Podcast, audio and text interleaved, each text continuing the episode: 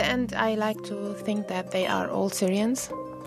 Because you see, in my area, first aid, it's about uh, the life of person. For meg er de alle syrere, og da handler det om å redde liv, samme hvilken side de står på. Med to modige kvinner som rykker ut med førstehjelp i Syrias borgerkrig. We will deliver some flyers and uh, also some letters. Tyrkerne går til valg igjen i morgen. Mange mener landets demokratiske fremtid står på spill.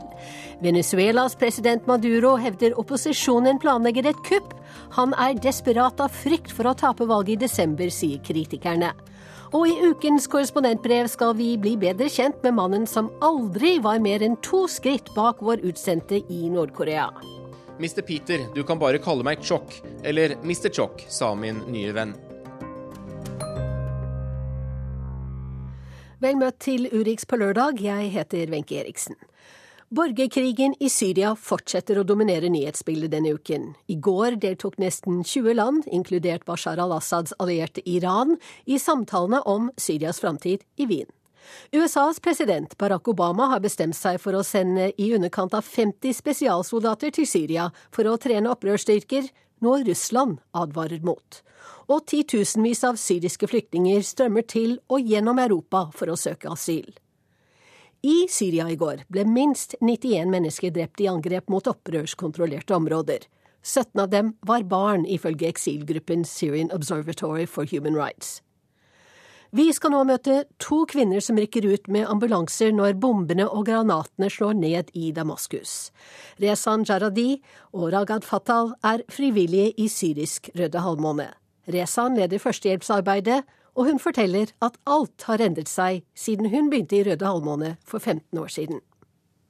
Nobody before is used to do about that. Nobody used to, to see a bomb or to see shooting, to be uh, in a place and uh, something uh, fall in your, on, on your head, uh, like like bombing or something. So you can see the fear in, in their eyes all the time, and the fear in our eyes. Du ser frykten i folks øyne hele tiden, de var jo ikke vant til bomber før. Og i våre øyne også, sier Rezan. Vi som fikk opplæring i førstehjelp da Syria var et trygt og fredelig sted, fikk jo ingen trening i å behandle krigsskader. Men etter fem år er det ikke noe som sjokkerer oss lenger. We are totally. We will not say, oh, because we are used to. But some people are not till now. So when uh, when bombing happened, when someone died, uh, they are always uh, feeling uh, feeling afraid, wanting to leave this country, uh, as I can imagine that you can know from the news, because they are leaving. De har en farlig jobb, bekrefter Ragad. Forferdelige skader, fullstendig kaos når de kommer fram og det kan komme nye granater når som helst.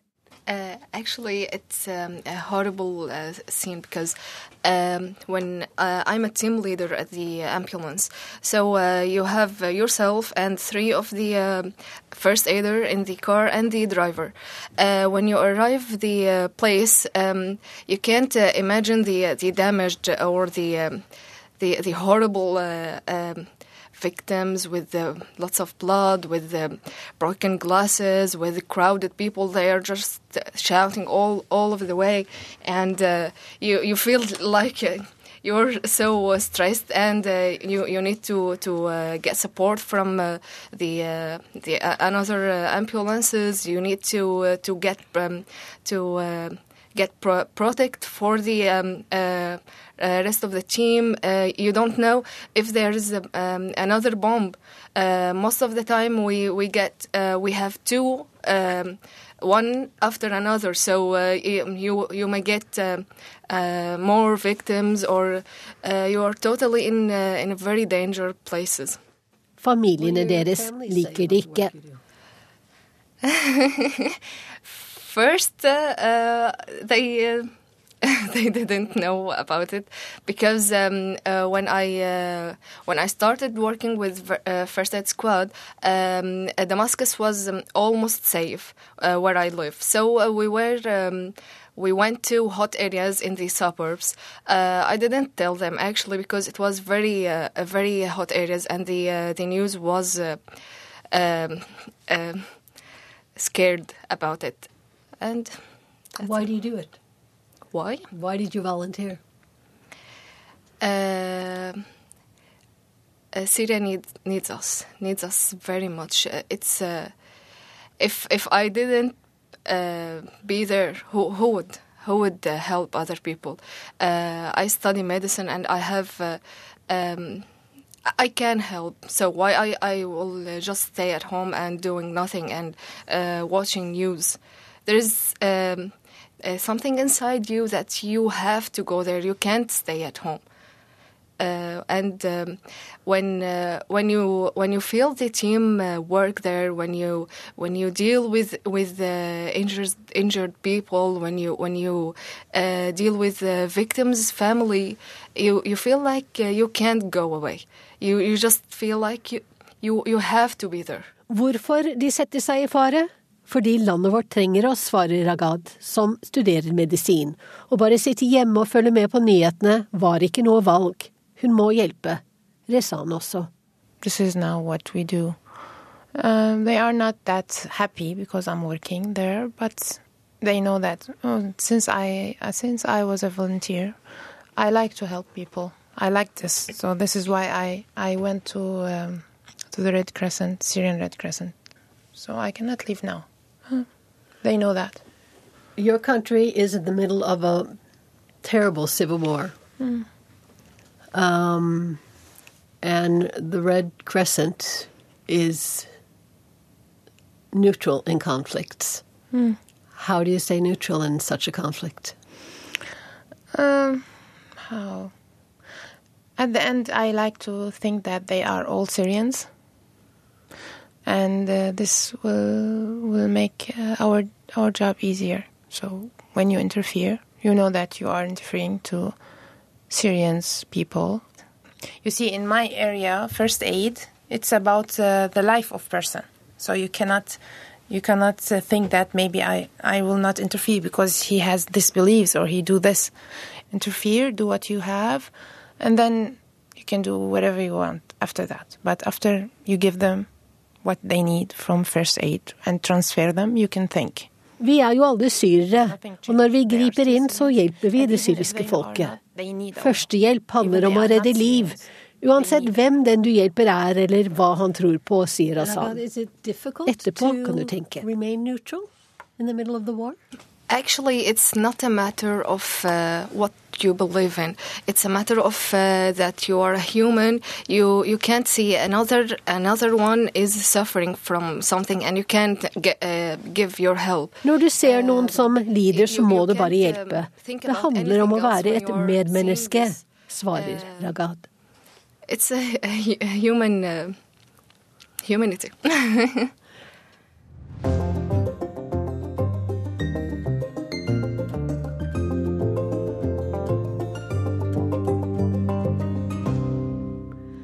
Valget i Tyrkia i morgen blir kalt det viktigste på en generasjon, og mange tyrkere mener landets demokratiske fremtid står på spill. President Recep Tayyip Erdogan håper på flertallsregjering for sitt parti AKP, og på grunnlovsendringer som gir ham selv mer makt. Men det lille prokurdiske partiet HDP kan sette en stopper for presidentens planer. På hver sin kant av Istanbul bor to unge kvinner. Begge mener valget har stor betydning for landets fremtid, men de har to helt forskjellige ønsker for valgresultatet. Korrespondent Kristin Solberg har møtt dem. Jeran Gulburak tar raske skritt på den våte asfalten i Istanbul. Forsøker å unngå sølepytter så godt hun kan, men det er ikke det viktigste. Ikke nå. Det viktige er å nå så mange velgere som mulig. We will deliver some flyers and uh, also some letters. Geran er 26 år og student, og jobber for det prokurdiske partiet HDP. På mange måter er hun den typiske urbane HDP-velgeren. Ung, velutdannet og liberal. I hendene har hun fargerike brosjyrer som hun skal levere til 3500 husstander. Brosjyrer om rettigheter for kvinner, minoriteter og arbeidere. Hun går fra dør til dør, for det er ikke noen store valgmøter denne gang. De er blitt kansellert etter bombeangrepet i Ankara, som rammet HDP hardt. because of all the Ankara, all the other things. Uh, now uh, it's a minimized actually work right now, and you know we cancelled all the big threat of bombing. HDP er bare det fjerde største partiet i Tyrkia, men det kan likevel avgjøre nyvalget i morgen. Hvis partiet kommer over sperregrensen på 10% kan det forhindre at president Recep Tayyip Erdogans parti AKP får danne flertallsregjering. I tillegg kan det forhindre at Erdogan får grunnlovsendringene han ønsker seg. Grunnlovsendringer som gir ham selv som president mer makt. For mange tyrkere, Geran inkludert, handler dette valget om ikke mindre enn Tyrkias demokratiske fremtid. If we don't have a choice, a way, a method, a place to change or a place to oppose to what they do, uh, it will get worse for all people in the, this for women, for Kurds, for Turks, for youngs. Hvis ikke Erdogan stanses, vil det bli verre og verre for alle i samfunnet, sier Jeran, der hun går fra dør til dør med brosjyrer. Ikke alle er hjemme, og da legger hun igjen brev i postkasser. Men egentlig ser hun ikke på valget i morgen som legitimt. Ved forrige parlamentsvalg i juni fikk HDP 13% av stemmene. Det var et godt valg for et parti som lå vippet på sperregrensen på meningsmålingene. AKP vant valget med 41% men fikk for første gang på 13 år ikke nok stemmer til å danne flertallsregjering. Derav dette nyvalget, et nyvalg Jeran mener Erdogan har satt i gang fordi han ikke fikk det slik han ville forrige gang. Og dermed vet hun heller ikke om han vil akseptere resultatet av valget på søndag heller. I'm not sure. Really, I'm not sure. Really, there's no answer for that. And, and, and while I'm doing this kind of stuff, it's always in my mind actually. How can we trust another result? How can we hope that they will not do anything again? Uh, but this is a game like this. You cannot know uh, what will they do. You you will never know that. But you do uh, what is right for that moment. Krep ama buz krep diyoruz biz. Hani satan görünümlü kreplerden. Bu zaten Şey de olabilir, fuşya koyu fuşya da olabilir. I en annen del av Istanbul hjelper 28-årige Melike Bekkerolo en kunde som ønsker seg en ny kjole. Hun er designer og driver en butikk der hun selger festkjoler til konservative kvinner. I butikken henger løse, lange kjoler med lange ermer og mye glitter. Butikken går godt, og markedet er i vekst, noe Melika takker president Erdogan for. Hans AKP har reversert tidligere forbud om hijab på offentlige kontorer og En skoler. başta e, hani şu anki öğretmenlik yapılabiliyorsa başörtülü bir şekilde bu AK Parti'nin sayesinde e, kamuda çalışabiliyorsak At man nå kan være lærer med e, hijab, er det pga. AKP. Hvis man kan jobbe på offentlige kontorer med hijab, er det pga. AKP. Først og fremst er jeg takknemlig for det, sier hun. For Melike er Gerans største mareritt et flertall for AKP, akkurat det hun drømmer om. Yani umut ediyoruz e, AK Parti alacak. Vi håper på flertallsregjering, sier hun. Og hvis de vil endre grunnloven og gi presidenten mer makt, er det bra for landet. E, Hvis AKP vinner valget, vil det gi Tyrkia den stabiliteten landet trenger, mener hun. Og anklagene om at Erdogan har diktatoriske tendenser, mener hun er del av en svertekampanje. Ah, this is our car. Tilbake på gaten med Geran kommer en av HDPs valgkampsbiler kjørende for å gi henne skyss. I mange uker har slike biler kjørt rundt i Istanbuls gater, med høyttalere på taket som sprer glade partitoner. Geran åpner døren og setter seg inn, mens hun sier So we are a little bit nervous, you know, uh, because our cars has been attacked several times. Mm, so we should be in alert in a way. Det har vært en vanskelig valgkamp, preget av bombene i Ankara, militæroffensiven mot PKK og et land som blir stadig mer splittet. Og ikke minst arrestasjon av journalister og stenging av medier som ikke støtter regjeringen. Det har preget ikke bare HDP, men også Geran. En av hennes venner og aktivistkolleger er blitt arrestert, uten at hun er blitt fortalt hvorfor. Men alt dette gjør henne bare ekstra oppsatt på å lykkes i valget i morgen. Dette såret i landet som myndighetene har skapt, sier hun, vil ikke leges ved at HDP kommer inn i nasjonalforsamlingen. Men hun mener det kan forhindre at det blir dypere. Ja, Da blir det spennende å se hva som blir resultatet i det tyrkiske valget. Kristin Solberg følger det valget for oss i NRK. Det kan gå mot lysere tider i Washington, til tross for at det straks er november. For på torsdag fikk Representantenes hus en ny leder, og han er opptatt av noe så sært i den amerikanske hovedstaden som handlekraft. Håpet er at Paul Ryan skal reparere både Kongressens tynnslitte tillit og kaoset i det republikanske partiet. Og da er det vel bare å brette opp ermene? The Honorable Paul D. Ryan of the state of Wisconsin having received a majority of the votes cast, is duly elected as Speaker of the House. Han er bare 45 år gammel, og ikke siden 1875 har en så ung mann tatt eden for USAs tredje mektigste embete. Men så er ikke Paul Ryan fra Wisconsin noen hvem som helst. Han var visepresidentkandidaten til Mitt Romney og har ledet mektige komiteer i Kongressen. Og han elsker dette vakre, men dysfunksjonelle Capitol Hill. To me, the House of Representatives represents what's best of America. The boundless opportunity to do good. Sa Paul Ryan på torsdag. Han strittet lenge imot å overta John Bainers utakknemlige jobb. Det er ingen enkel oppgave å lede et dypt splittet republikansk flertall og forsøke å få vedtatt lover som ikke vil bli stanset av en president med en helt annen politisk farge.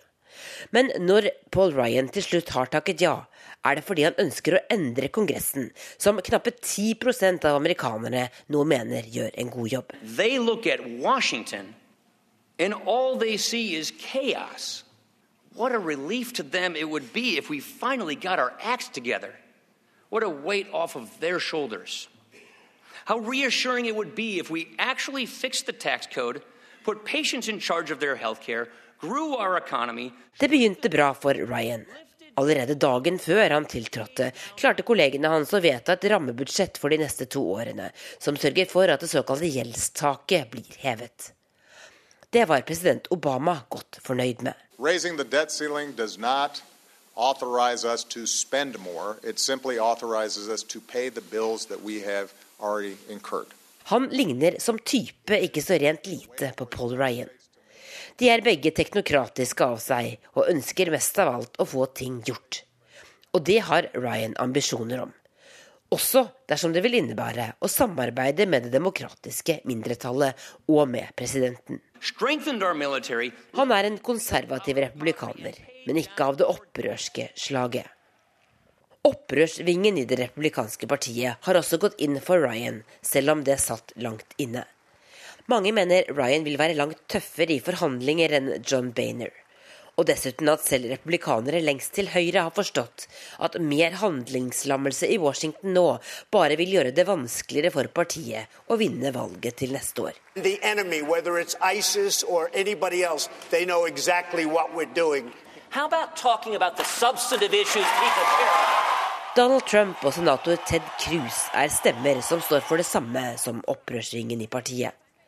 De vil vi selvsagt få høre mye fra framover. Men det vil vi også fra Paul Ryan. Let's be frank. The house is broken. We're not solving problems. We're adding to them. And I am not interested in laying blame. We are not settling scores. We are wiping the slate clean. Sa Paul Ryan, og det var USA-korrespondent Tove Bjørgaas som rapporterte om blanke ark i Washington.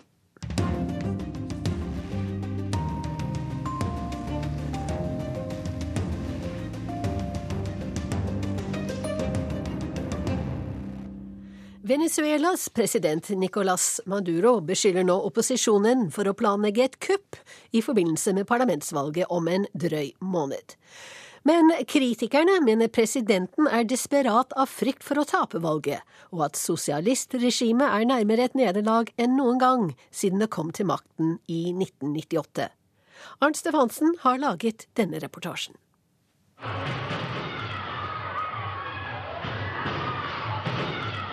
En rasende menneskemengde prøver å bane seg vei inn i en matvareforretning i Venezuelas hovedstad Caracas.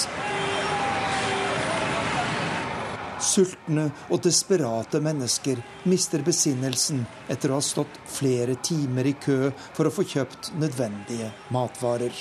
Noen av dem kjører store handlevogner inn i dørene på butikken, men de kommer ikke gjennom. Det er mangel på alt i Venezuela. Matvarer, forbruksvarer og medisiner. Og så snart det dukker opp varer i en forretning, danner det seg lange køer en aquel tiempo uno compraba al gusto que uno quisiera.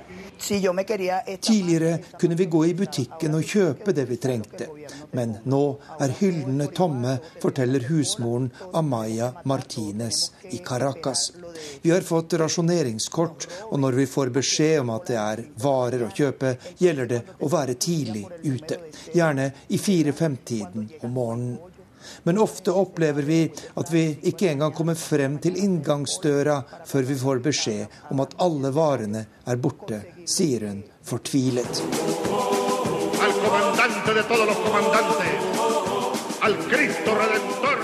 Venezuelas mye omtalte revolusjon for det 21. århundre er havnet i en hengemyr av matmangel, vold og korrupsjon.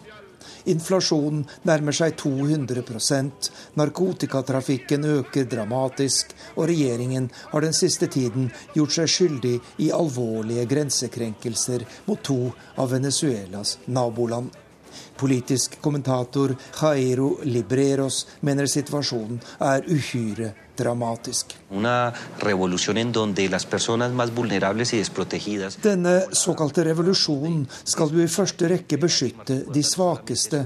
Men millioner av fattige mennesker her i Venezuela er i øyeblikket i en desperat situasjon, der de bruker all tid og krefter på å skaffe seg det mest nødvendige til livets opphold.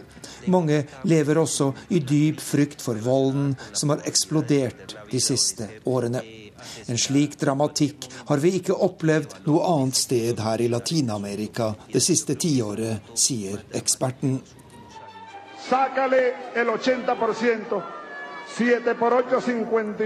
Dette er Nicolas Maduro, president i Venezuela og etterfølger etter sosialistregimets far, Hugo Chávez, som døde av kreft våren 2013.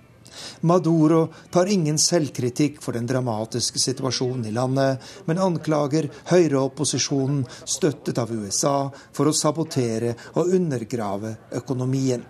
Og han beskriver opposisjonslederen Enrique Capriles på følgende måte.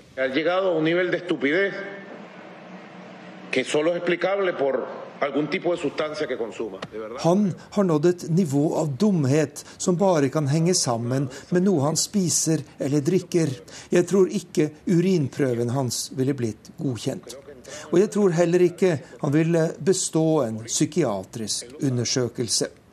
Denne mannen har fjernet seg helt fra det virkelige liv, sier Venezuelas president, etter at opposisjonslederen har kritisert myndighetenes grensekrenkelse mot nabolandet Guyana.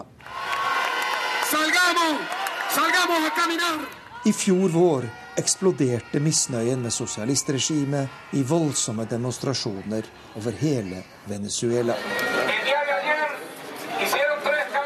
Demonstrantene hevdet at myndighetenes nasjonalisering av landets industri og landbruk har ødelagt produksjonen og derved skapt den akutte varemangelen.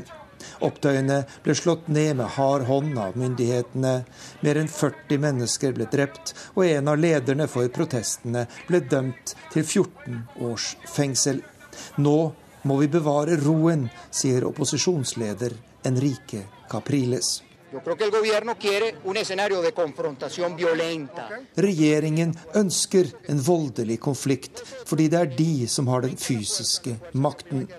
Men det store flertallet av folket støtter oss, og hvis vi organiserer oss godt, holder sammen og bruker gode argumenter i stedet for vold, så kan vi fjerne dette regimet og starte arbeidet med å rydde opp i landet, sier Enrique Capriles fra opposisjonsbevegelsen Demokratisk enhet. Og meningsmålingene tyder på at opposisjonen vil vinne klart ved parlamentsvalget i Venezuela i desember. Det store spørsmålet er hvordan et seiersvant regime vil takle denne utfordringen.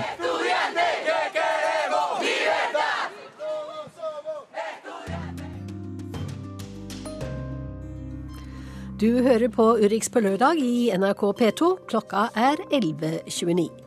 Hverdagen for førstehjelpere i det krigsherjede Syria, spenningen før morgendagens valg i Tyrkia og muligheten for nye og bedre takter i Washington er noe av det vi har hatt til nå.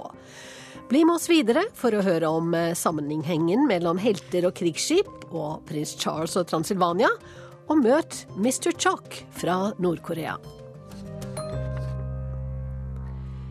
I Russland bor det rundt 20 millioner muslimer. Ikke noe annet europeisk land har en så stor muslimsk befolkning. Det er verdt å merke seg når president Vladimir Putin begrunner sin militære innsats i Syria med frykten for at islamsk ekstremisme skal få større fotfeste i Russland og midt inne i Russland ligger republikken Tatarstan. Der er de fleste muslimer, men på overflaten er det lite å se til den frykten Putin snakker om.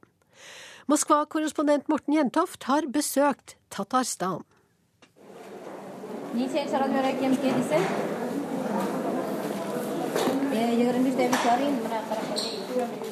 Det er søndag formiddag på det store markedet i sentrum av Kazan millionbyen ved Volga, som også er hovedstad i Tatarstan, en republikk med nærmere fire millioner innbyggere. Her, mellom salgsbodene, hører jeg folk snakke både russisk, men mest tatarsk. Et tyrkisk språk som er offisielt her, ved siden av russisk. Markedet ligger også i den sørvestlige delen av Kazan, på den andre siden av en kanal som i mange år var et fysisk skille mellom kristne russere og muslimske tatarer. Kazan er en spennende by. Her stikker tårnene fra store, vakre russisk-ortodokse kirker opp, sammen med hvite minareter. I 1552 kom Ivan den grusomme hit og beleiret det som den gangen var hovedstaden for Kazan-kanatet. Det var begynnelsen på slutten for mongolske og muslimske herskeres makt ved Volga. Og begynnelsen på en russisk ekspansjon østover, som først endte ved Stillehavet flere hundre år seinere. Men etter den brutale undertrykkelsen av muslimene her, valgte Katarina den store 200 år senere å gi tatarene, som de nå var blitt hetende, rett til å bygge det som i dag er Kazans eldste moské. Это самая старая мечеть Казани, первая каменная мечеть. Her forteller imam Ramil Harsat Mingarayev gjerne om moskeens ærerike historie. Etter at kommunistene kom til makten i Russland i 1917, satte de nemlig i gang en intens kampanje mot islamsk innflytelse blant tatarene. Og etter annen verdenskrig var det bare Majani-moskeen igjen i Kazan. И отношения между православными и мусульманами? Очень хорошие, мы очень хорошо общаемся вместе, какие-то мероприятия. I dag har vi et veldig godt forhold mellom muslimer og kristne her, forteller Ramil Mingarayev meg, der han står klar til å vie et brudepar i den vakre moskeen. Det er muslimer og kristne som gifter seg seg imellom. Vi besøker hverandre, og i alle store offisielle sammenhenger er det både en prest og en imam til stede, forteller den unge imamen meg, velvitende om at dette er et følsomt spørsmål i en tid der Russlands president Vladimir Putin har erklært krig mot islamske terrorister og valgt å flytte frontlinjen i denne krigen til Syria. Ассаляму алейкум, братья и сестры. Я, Мухаммад, Амир Татарстана. Dette er stemmen til en mann som kaller seg Emir Mohammed av Tatarstan, i et opptak som ble lagt ut på internett sommeren 2012. Dette skjedde like etter to dramatiske angrep på to av de åndelige lederne for muslimene i Tatarstan. Sjefsmufti Ildos Faisov overlevde så vidt en bilbombe, mens en av hans assistenter, Valiola Jakupov, ble skutt og drept idet han var i ferd med å forlate leiligheten sin. Tatarstan var plutselig blitt en del av den blodige kampen mellom sekulær og ekstrem islamisme. Боремся мы тоже, мы объясняем народу проповедью, что ислам не призывает к какому-то терроризму, призывает... I Majani-moskeen, som i dag er en av 62 fungerende moskeer i Kazan, forteller imam Ramil Mingarayev meg at han og hans kollegaer driver et aktivt arbeid for å hindre at radikal islam får ytterligere fotfeste blant ungdommene i byen. Tradisjonelt tilhører tatarene en moderat hanafi-gren av islam, som er kjent for toleranse mot andre religioner. Men hundretusener av muslimer fra andre deler av Russland, og ikke minst fra Sentral-Asia, har de siste tiårene flyttet til Tatarstan, som er en av de raskest voksende økonomiene i hele Russland, bl.a. pga. olje og en relativt høyt utviklet maskinindustri.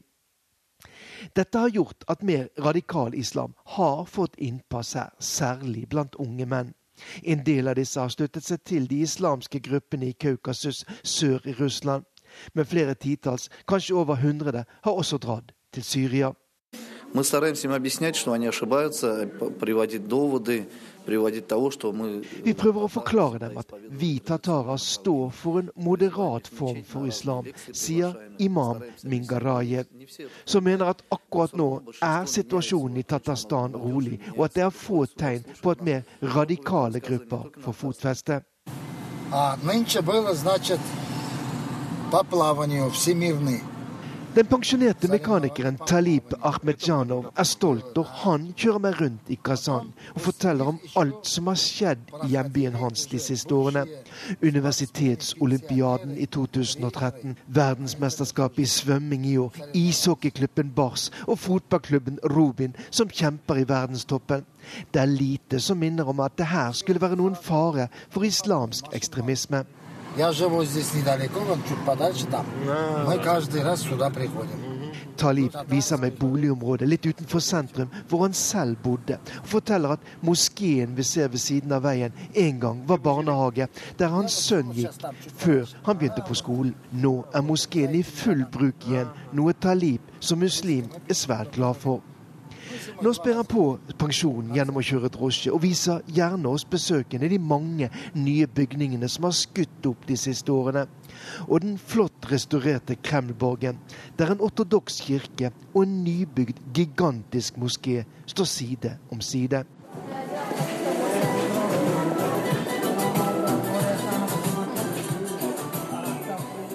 Tilbake på markedet i Kazan kommer jeg forbi en enslig salgsbod som fremdeles selger DVD-er og musikk med tatarisk popmusikk, ved siden av velkjente russiske artister. Russland vil gjerne framstå som et land som viser at muslimer og kristne kan leve fredelig side om side. Og inntil videre er Tatarstan og Kazan et eksempel på at dette har lyktes.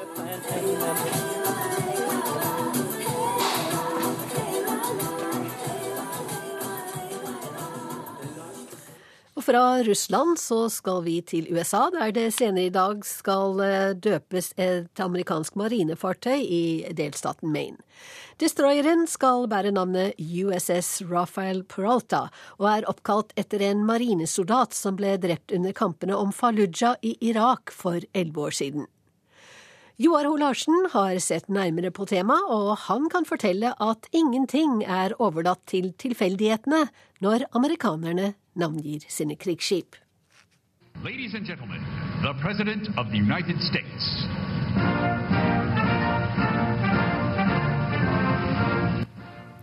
Når et skip som skal forsvare nasjonen skal døpes, så overlates det verken til tilfeldigheter eller til uvedkommende.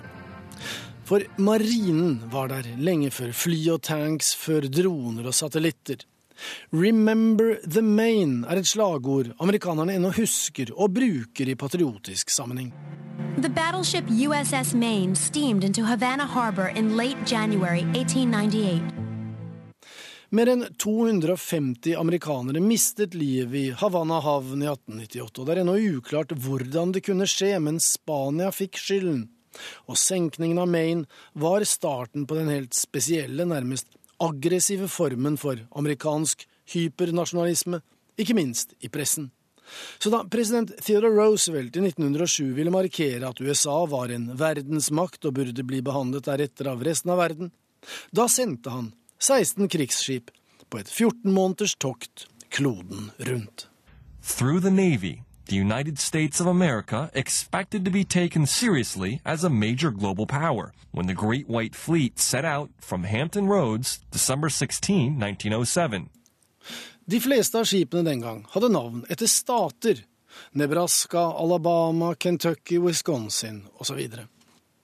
Og i dag, som den gang, er det regler for hvilke skipstyper og klasser av fartøy som kan bære hva slags navn. Regler som riktignok er i stadig endring, ikke minst pga. teknisk utvikling og nye båter, men også pga. nye tanker og andre behov. Slagskip ble tradisjonelt oppkalt etter stater.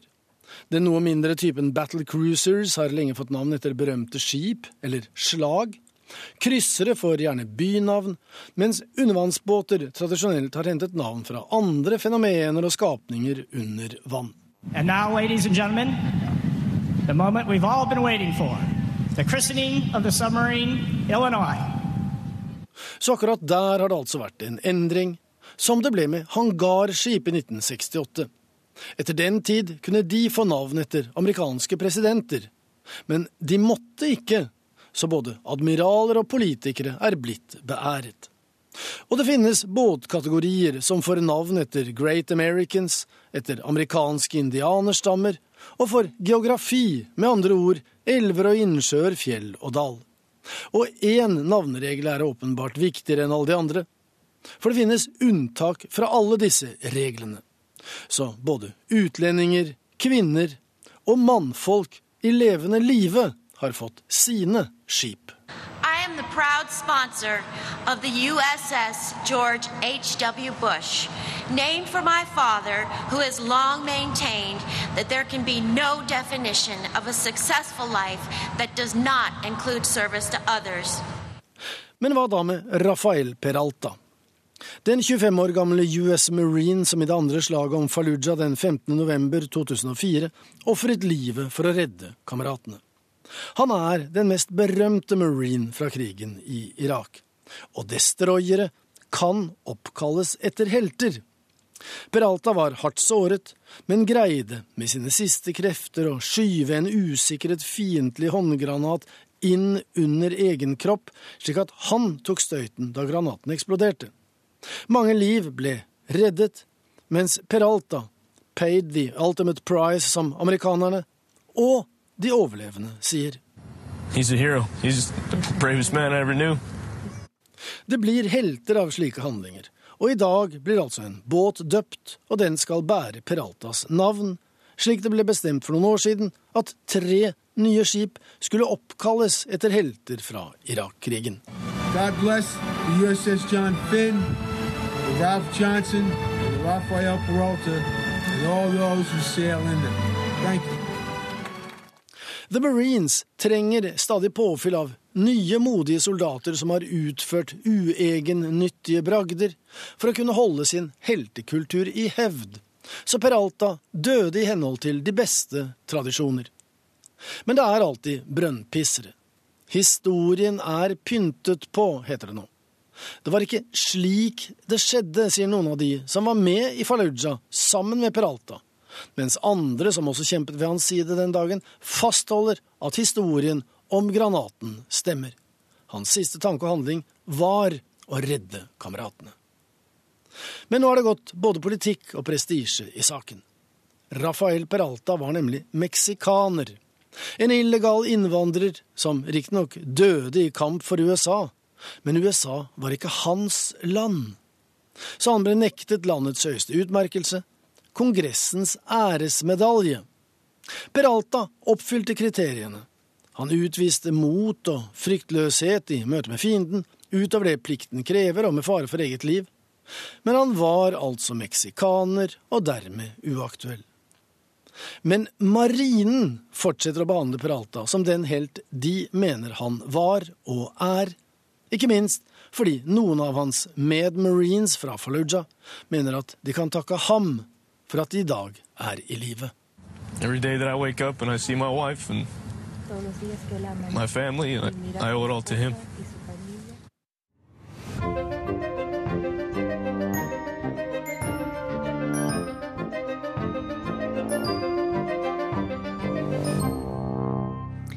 Da britenes prins Charles bestemte seg for å opprette den første stiftelsen som bærer hans navn utenfor samveldelandene, så falt valget på vakre Transylvania i Romania. Charles har forelsket seg i regionen og besøker den ofte. Den britiske tronarvingen har også en transylvansk oldemor som har aner langt tilbake til en beryktet historisk figur som er kanskje spesiell, spesielt aktuell i dag på halloween. I happen to think the small farmer, the smallholder, is absolutely crucial to the maintenance of food security. It can't all be done by gigantic corporations. Langkorva går i ei transylvansk eng. Slåttekarene er kledd i sine beste bunader, for prins Charles er på besøk igjen. Siden 1988 har han vært en hyppig gjest i landsbyen Viskri, som han vitjer én gang i året. Han eier to gjestgiveri i den saksiske landsbyen som står på verdensarvlista til Unesco. Gjestgiveria er åpne for allmennheten når prinsen ikke nytter dem sjøl. Dette har ført til en turistboom og mange nye arbeidsplasser i området. Chilla Chimbalos arbeider for den norske Helsingforskomiteen. Hun er sjøl fra Transylvania og mener det er den vakre naturen som lokker prinsen til regionen. Prins Charles tror jeg ble, sånn som han sier, og det som blir referert i mediene også, han ble nærmest forelsket i rumensk natur, transylvansk natur. Eh, som han, sånn som han ser det, er jo de siste områdene i Europa som er nesten uberørt. Um, og det er det han prøver å fremme også i, på europeisk nivå. At det er, det er, det er en skjult skatt. Interessen for Romania har gjort at prins Charles nå oppretter den første stiftelsen med hans navn utenfor det britiske samveldet, i Transylvania. Den skal fremje bærekraftig jordbruk og bevare kulturarven i de saksiske landsbyene. degrees, serious things will happen. It'll be much more difficult to produce food apart from this. That's why I mind about helping to maintain nature's own economy. Jeg vil bidra til å hjelpe naturen sin egen økonomi, sier prins Charles til BBC, som ble med prinsen til Transylvania i høst. You now have two grandchildren. Um, do you think you've done enough to preserve that inheritance? No, of course I haven't. I mean, that's why I'm still going on. Prins Charles liker også å snakke om sine rumenske slektninger, og det at han har ei transylvansk oldemor, Mary of Teck. Hun var ektefellen til kong George den femte. Og i en artikkel kunne den britiske avisa The Daily Telegraph avsløre at Charles hadde en enda mer berømt slektning i Transylvania. Father of prins Mary mother of George the Sixth, father of Queen Elizabeth, mother of Prince Charles. Chimbalos har gjort litt research, for en må gå 16 ledd tilbake. Ja. Slekten med Vlad Tepes. Ja. Vlad Tepes var den blodtørstige prinsen som var inspirasjonen til legenden om Dracula. Ja, altså Prins Charles som tuller litt også om at han er beslektet med eh, Dracula, Vlad the Impaler. Det kom en bok i 1982 eh, som het Royal Highness eh, av sir Ian Moncrief, hvor det står at prins Charles Soya is a great grandson 16 times removed to Vlad III. Vlad III var halvbroren til Dracula.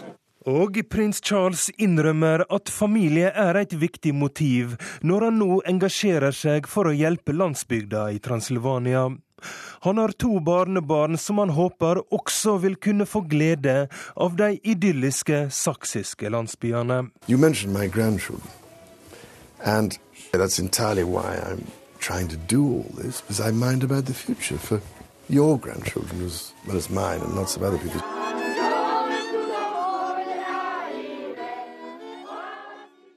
Ja, reporter i denne saken var Roger Severin Bruland.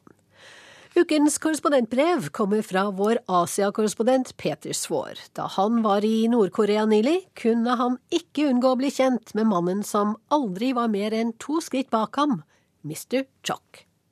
Du må være Peter, utbrøt en ung, dresskledd mann med briller, bare sekunder etter at jeg hadde gått gjennom tollen på Pyongyangs splitter nye flyplass Sunan International. I løpet av sekunder var jeg gjenkjent mellom flere hundre andre i flyplassens stappfulle ankomsthall, og noen hadde åpenbart studert passbildene vi leverte inn, ganske grundig. Selvsagt hadde mitt nye bekjentskap to generasjoner Kim smilende fra en pinn på jakkeslaget. Velkommen til Korea. Er ikke flyplassen vår fin? Det er vår kjære leder som har bygget den. Se her, alt er helt moderne. Hvordan syns du den er sammenlignet med flyplassen i Beijing? Er ikke denne litt finere, syns du? Mr. Peter, du kan bare kalle meg Chok, eller Mr. Chok, sa min nye venn. Det er ikke hver dag Nord-Korea inviterer journalister inn, men regimet her syns Arbeiderpartiets 70-årsdag var en slik anledning hvor man gjerne ønsket så mye vestlig pressedekning som overhodet mulig. Jeg har etter hvert blitt godt vant til ulike mer eller mindre gode hjelpere på slep mens vi forsøker å filme her i Asia, men min nye og ufrivillige venn Mr. Chok gjorde dem alle til skamme. Så hvem var denne unge horden som var kjent for å passe på oss? Vi var jo flere hundre utenlandske journalister her nå, og alle hadde hver sin dresskledde, regimelojale unge mann bare noen skritt unna. Jeg har en stor leilighet i Pyongyang, skrøt Chok i bussen på veien inn til byen. Den har to, nei vent, tre soverom og to bad og er på 180 kvadratmeter, og jeg får den helt gratis. Partiet gir oss alt vi trenger her. Visste du det?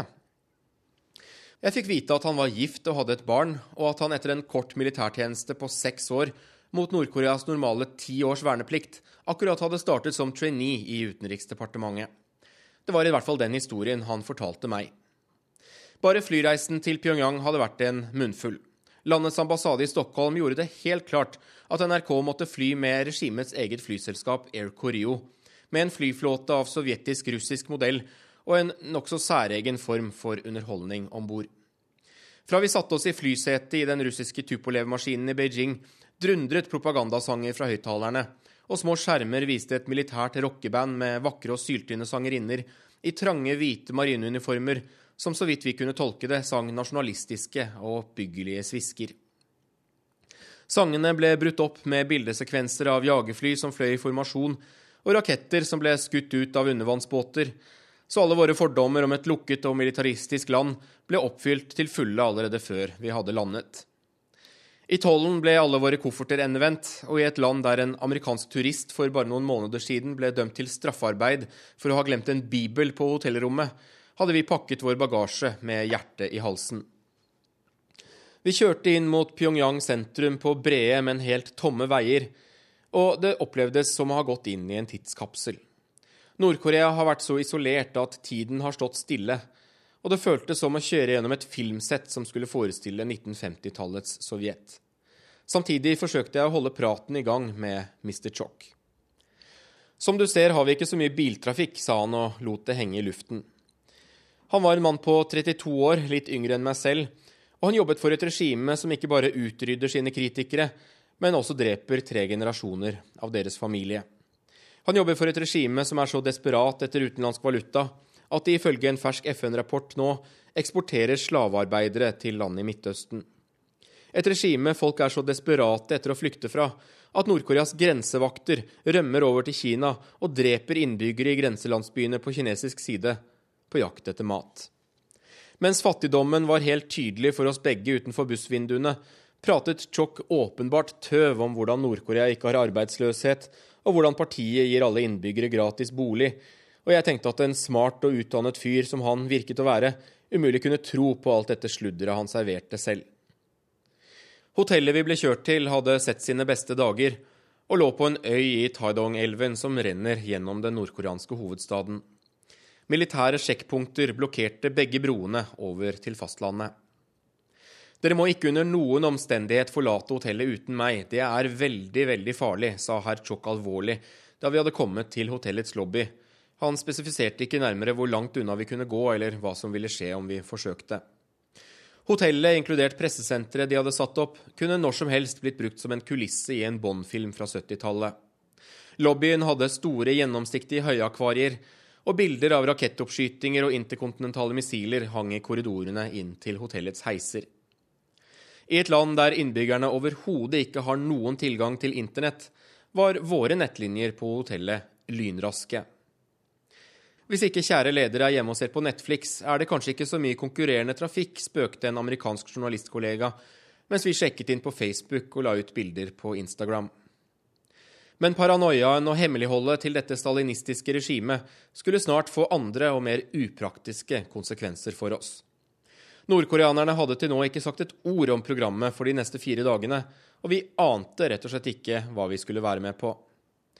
Nå prøvde jeg å hale ut av Ertsjok, i det minste når vi skulle stå opp dagen etter for å være klare til militærparaden. Jeg vet ikke nøyaktig, var svaret. Kanskje jeg får vite noe i kveld. Jeg ringer deg. Vær på rommet ditt, så ringer jeg deg. Vi forsøkte å spørre om vi skulle stå opp tidlig eller sent, men fikk ikke noe klart svar på det heller.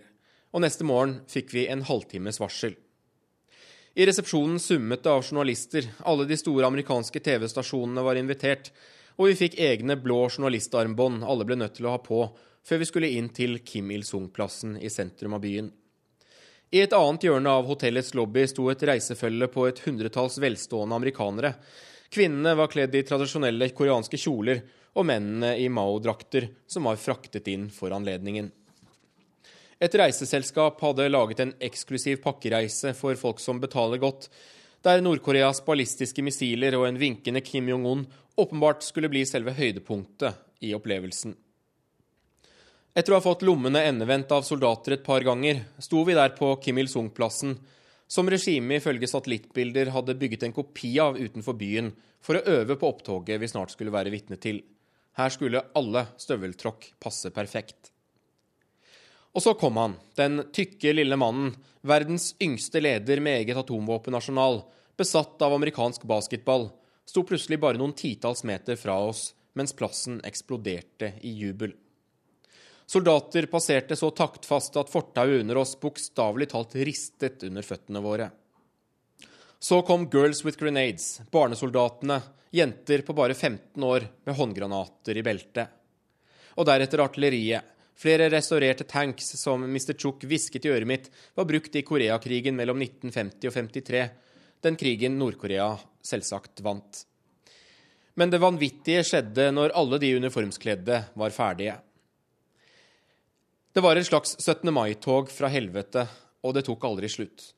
Hundretusenvis som gråt og hylte opprømt over å få være så nær sin kjære leder. Alle disse er vanlige mennesker, de er så glade for å være nær ham, sufflerte Chok meg i øret. Det var bare en halvmeter tykk hekk mellom oss og de gråtende, hysteriske massene, men det føltes som en avgrunn. Og jeg må si med en gang at å være øyenvitne til denne personkulten på så nært hold er noe av det mest opprørende jeg har opplevd i hele mitt liv. Det gjorde meg sint og trist å være vitne til, og omfanget var helt overveldende. Et regime som bruker penger på missiler og det de kaller et romprogram, mens folk lever i dyp fattigdom og ikke har mat på bordet. Mens vi sto der på plassen, fikk jeg rett og slett en sterk følelsesmessig reaksjon. Det knøt seg i magen. Men det kunne jeg jo ikke si til Mr. Chok. Er det ikke fantastisk? spurte han. Ned med Japan og imperialisme, oversatte han i øret mitt, mens et stort banner ble båret forbi. På vår siste kveld i Nord-Korea hadde Chok gode nyheter. Mr. Peter, jeg har fått tillatelse. Vi kan gå ut på en restaurant i byen og spise i kveld. Vi hadde bare gått noen titalls meter fra hotellområdet før gatene var bekmørke. Selv hovedstaden Pyongyang har ingen pålitelig strømforsyning, og vi forsto at lyset på hotellet vårt trolig var holdt oppe gjennom batterier. Også inne på selve restauranten blinket lysene hele tiden, og stadig ble vi sittende rundt bordet i stummende mørke. Vårt måltid ble snart en fuktig vandring i lokalt risbrennevin og revolusjonære karaokesanger. Og mens vi satt der og ble fullere og fullere, demret det for meg at jeg nå for en liten stund var invitert med inn i livet til Nord-Koreas elite. For selvsagt er det ikke landets store leder som gjør at dette regimet har overlevd. Det er de mange hundre tusen lojale og privilegerte dresskledde menn som har koner og barn hjemme og store leiligheter med Nespresso-maskiner på kjøkkenbenken, men som går på fuktige restaurantbesøk med utlendinger og har en forkjærlighet for irsk whisky. Det er kort og godt menn som Mr. Chuk som har holdt Nord-Korea flytende. Sa Peter Svaar, og dermed er det slutt på Urix på lørdag. Teknisk ansvarlig var Stein Nybakk, produsent Marit Selmer Nedreliv, og her i studio satt Wenche Eriksen. Takk for nå.